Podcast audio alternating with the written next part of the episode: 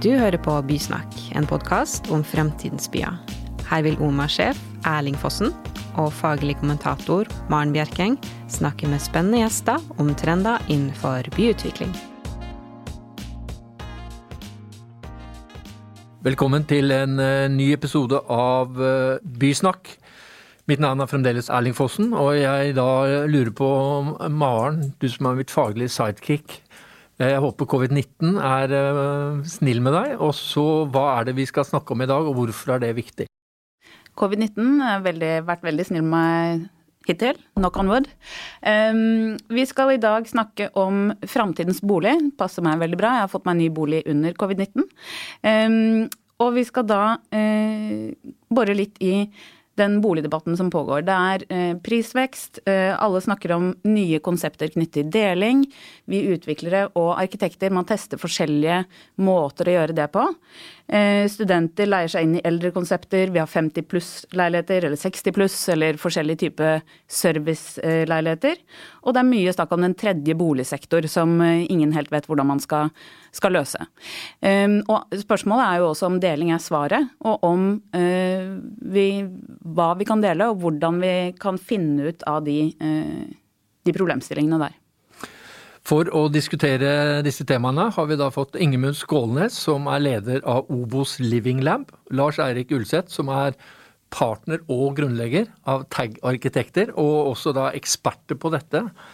Men vi må starte med deg, eh, Ingemund. Altså, Obos Living Lab er jo nå under oppføring, men dette er vel da et senter som egentlig skal forske på disse spørsmålene som Maren snakker om? Ja, altså Obos Living Lab det er da eller det skal bli en testarena, eh, som vi kaller det, for fremtidens bolig. Så det er litt på det spørsmålet i dag. Eh, og der en av temaene vil være deling. Eh, og litt av konseptet her er at vi skal leie ut leiligheter i dette bygget med 34 eh, boenheter. Eh, og så skal vi sammen med de som bor der, faktisk prøve ut ulike løsninger knytta til det å bo. Og så skal vi hente ut erfaring eh, sammen med beboere og sammen med bransjeaktører Eh, om hva som fungerer og ikke fungerer. Så noe vil være på et nivå med testing, eh, validering av konsepter, og andre ting kan være på litt mer forskningsnivå. Eh, men målet rett og slett å finne ut hva kan vi dele og ikke dele, som er en av casene i Living Laben. Men det er også en del rundt fleksibilitet, rundt fellesskap, rundt teknologi og andre spennende ting å utforske. Men det er jo veldig interessant, for sånn, globalt sett så er jo dette fenomenet co-living eh, mer og mer brer om seg. Også på Oslo Urban Arena så hadde vi da en ekspert fra Paris som snakket nærmest at nå fikk du co-living-konseptet for eldre, unge, kreative klassen, de som ikke hadde så mye penger, og nærmest at dette, dette er framtidens boligform. Og så kom da Neira Magic fra Prognosesenteret og hvert eneste år så har de da en eh, oversikt over hva nordmannen er villig til å dele. Og det er stort sett verktøy de er villige til å dele. Og dermed så sa hun norske selveiermodellen Ingenting kommer til å rokke ved den. Og da må jeg spørre deg, Lars Eirik Ulseth. Altså, elefanten i rommet er jo den norske selveiermodellen, er den ikke det? Og den så vel så sterkt at det er nesten umulig å rokke på. Eller den norske folkesjela. Ja, eller den norske folkesjela. det er en enda større elefant. Jo, jeg tror det er mulig å rokke på mye. Jeg er uenig i Nerja her. Jeg tror folk er villige til å dele. Jeg tror bare Men dere driver faktisk med noen konkrete delingsprosjekter nå, gjør dere ikke det? Ja, Vi er involvert i et par eh, konseptuelle nye boformer. og Det er mer co-owning enn co-living. Vi tror at folk ønsker i Norge å eie, f.eks. Og da er det en del utfordringer med å kunne dele eierskap og samtidig få finansielle eh, løsninger på plass og juridiske løsninger på plass, som handler om å, å få godtatt en stor femroms som blir et bofellesskap med fire som skal dele en bolig. Eh, men jeg tror det blir det, og, det er, og det er mye fine piloter som tester, sånn som Living Lab. Kjempebra. Og det er mange andre eh, caser som er underveis også. og Så ser en at det ikke er alle som slår til. Og jeg tror det handler om at en glemmer litt å spørre hvorfor folk vil dele, mer enn hva du vil dele. Mm. Og det, Den drillen er ikke den du vil dele, du vil ha hullet i veggen eller bildet til å henge på veggen, og så må du snakke om bildet, og så må du finne løsninger for det. Og det er Sånn det gjelder også på det Men samt, samtidig så er det jo uh, den, sant, det kollektivet. Man bor i studentkollektiv. Alle gleder seg til den dagen de kan flytte for seg selv og slippe å bo sammen med uh, en haug med andre folk de ikke kjenner så godt. Litt satt på spissen. Så det, den derre kollektive delingen, og alle syns at det er veldig spennende som det er i om det er Italia eller Spania, og folk bor oppå hverandre, i hvert fall når det ikke er korona, da. Men nordmenn er jo litt når risiko for å skjære alle over en kam, litt folkesky. Går ut, i, går trappeoppgangen, møter du naboen, så går du tilbake og lukker døren. Um? Den, hvordan, man, hvordan, kan man komme over det? Hvem er dette for? Er det for alle? Og hvordan kan man Nei, det er ikke for alle, men du må spørre de som de det her gjelder. Om det er unge mennesker, så tror vi at vi skal hjelpe dem inn på boligmarkedet. Det er jo en viktig del, men det vi så når vi snakka med mange uh, yngre, så er det kanskje ulike eh, preferanser på hvorfor de vil dele. Noen vil dele for å finne nye venner, for å komme i et nytt fellesskap der du flytter inn i en ny by. Andre eh, har et økonomisk perspektiv og vil komme seg inn på et marked. og av den grunn ønsker. Og Så må du finne matchmaking på det her, da, og finne folk som tenker likt. Om du da spisser også interesser, slik at du finner noen som er lik deg, eh, så er jo det en ting som handler om å finne folk som ønsker å dele. Og så kan det være dele interesser eller dele fellesskap eller uh, hund eller bil eller men, men, hus. Ja, men vi kommer jo ikke unna det faktum av at uh, alle uh, ulike former for delebokonsepter ikke har vært spesielt vellykket i Norge så langt. Og hvis vi starter med plussboligene til Selvåg, og det er jo interessant, for man tenker jo at når man blir eldre, så er det veldig mye eh, fint å ha sosiale oppholdsrom. Du kan ha en resepsjon som tar imot posten din, osv. Men det har heller ikke vært kjempevellykket. Det, fordi eh, en av de tingene er jo at man da nærmest kaller det seniorboliger. Og per i dag er det jo ingen som vil kalle seg gamle. og dermed sånn, ja nei, selv om du er 80 år, seniorbolig, nei nei, det er ikke for meg. Nei, nei, nei. nei. nei. Og, og dermed så, så er det en grunn til at uh, alle deleformer, boformer, er kommet så kort i Norge? Ja, altså, fordi altså, du ikke har spurt hvorfor. og Eldre vil ikke overleve, de vil leve. Og hvis du finner ut hva er det eldre da, eh, ønsker å ha, så er det ikke påtatte fellesskap som på en måte blir pressa på. og Her skal det bli så hyggelig. Og så er det ikke det de føler når de kommer til det. Og det jeg tror det er, som yngre, snakk om hva de ønsker å dele. det er gode samtaler, dype samtaler. Ikke noen som kommer inn og ut som skal bare øh, hjelpe de å overleve, men du må finne det samme for eldre som for yngre. Øh, hvorfor? Og så øh, handler det ofte om det å sosialisere seg og det å finne kanskje tilbake til fellesskapet du hadde hvis du har blitt alene eller gammel. Da. Og så må man dykke inn i å snakke med dem og finne ut. Og jeg tror opplagt at det er mange som vil dele for å på en måte Men skal vi da bare ta en reality-sjekk her. Hvordan bor vi? Jeg bor i to tomannsbolig. Vi har et veldig godt forhold til naboen, så vi har én husholdning. Vi har én kohort nå i covid-19-situasjonen. Men med en ganske svær eh, hage, og blir ganske forbanna hvis naboen da slenger ting inn der. Eh, det er sånn jeg bor. Og hvordan bor du, Ingemund? Ja, nå ble jeg litt svar skyldig, for jeg har akkurat flytta inn i en enebolig fra leilighet i byen. ja. Og Maren, du har kjøpt ny leilighet, men det er i byen? Det er i byen. Adamstuen. Fleksibel leilighet, arkitekttegnet med smarte løsninger som Men funker på hjemmekontoret. Du er fremdeles selveier? Ja, ja. ja. Du, jeg bor i, på 20. året eh, på Bislett i leilighet med mine to i min lille familie. Eh, så når vi snakker om eh, deleformer, så snakker vi ikke også om oss selv. Men et, et innspill der bare, for jeg tror det handler om å snakke Vi var inne på det, hva deler man? Men hvis man går litt lenger enn å snakke om verktøy eller ikke, eller det finansielle, så er det jo Hvis man ved deling kan få funksjoner som man ellers ikke ville hatt, eller tilleggsfunksjoner. Det jobber jo vi litt uh, også med å teste i våre prosjekter nå, i Asplin Ram. Men, men, det er jo det å se på, er det uh, Nå som vi har alle sitt på hjemmekontor, har man behov for et møterom, eller er det type Når man i hvert fall kan ha møter igjen, da. Men sant, møtesenter eller andre typer delefunksjoner. Det store rommet man kan ha 20 gjester som man ellers ikke har plass til. Jeg tror at kanskje det er en større vilje til å dele det enn å dele helt basic ting, eller bo oppå hverandre. Um, så det er jo et spørsmål, da. Og da er det jo også litt interessant å høre hva dere skal konkret teste i uh, Living Lab. Ja, det syns jeg er et veldig interessant spørsmål, for ofte handler denne delinga om å legge til noe ekstra. Eh, og så skal man dele på det. Man skal beholde alt man har. Eh, det vi ser på i Living Laben, der, eller vi har gjort et grep rett og slett der vi har tatt en etasje som var to, tre og fire romsleiligheter i utgangspunktet. Og så har vi omdisponert arealet eh, med samme antall personer som skal bo der men at alle gir fra seg noe og deler. Litt sånn som Vindmøllebakken mm. også har gjort. Mm. Eh, og da snakker man jo egentlig om merverdi gjennom deling. Mm. Men da må du også være villig til å bo på litt ja, mindre, og så dele, dele noe. Men at man har sitt eget, da. Ja, og så er det hvor, hvor går grensa her, da. Mm. Hvor mye er man egentlig villig til å dele? Og så er det kanskje noen sier at de er villige til å dele mer, helt til de skal betale for det. Mm. Eh, og det er jo den interessante, altså det spørsmålet i dag om eierlinja står, eh, står i veien for deling. Jeg tror ikke den står i veien for deling. Den gjør at vi er litt mer konservative, fordi vi tenker investering knytta til bolig og en sånn resalg, en gjensalgsverdi i andre enden. Mm.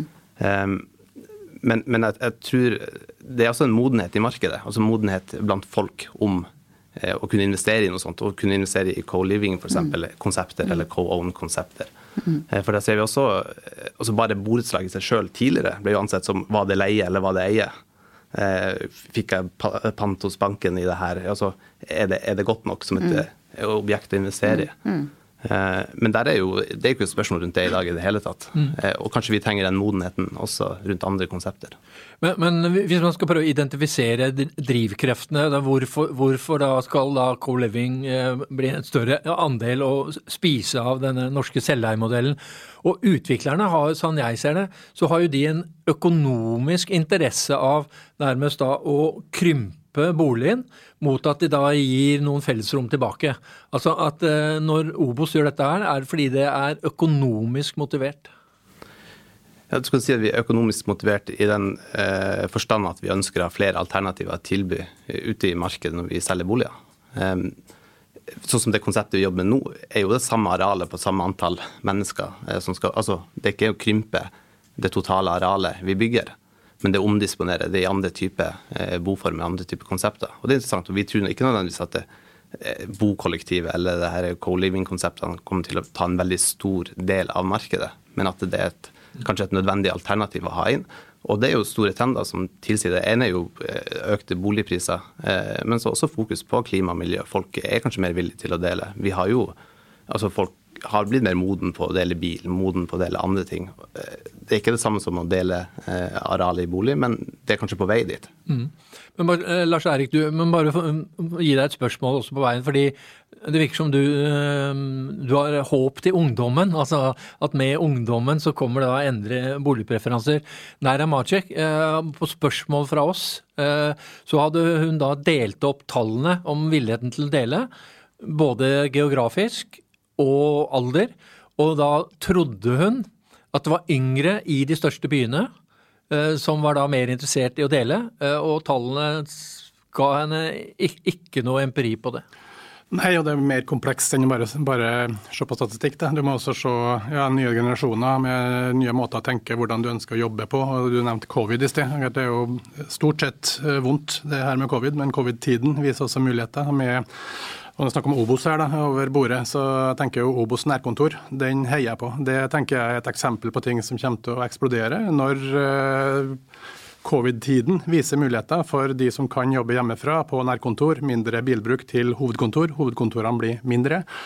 Og det i seg sjøl også handler om da å bruke felles arbeidsplasser i nærheten av der du bor, istedenfor å kjøre fram og tilbake, pendle mye osv. Så, videre. så det er med de eh, nye generasjonene som også da er teknisk relativt oppegående og tar digital samhandling med den største selvfølge. Og klart Alt det her har vi blitt modernisert fem år på, på noen ja. måneder. Og så er det om å dra det positive av det inn i denne her diskusjonen, som da Vi får se hvem som har rett, da, men jeg tror også folk er villige til å dele. Og jeg tror vi skal faktisk tørre å tenke færre areal per hode på store prosjekter. Vi vil ikke bygge i høyden, vi vil ikke ta marka.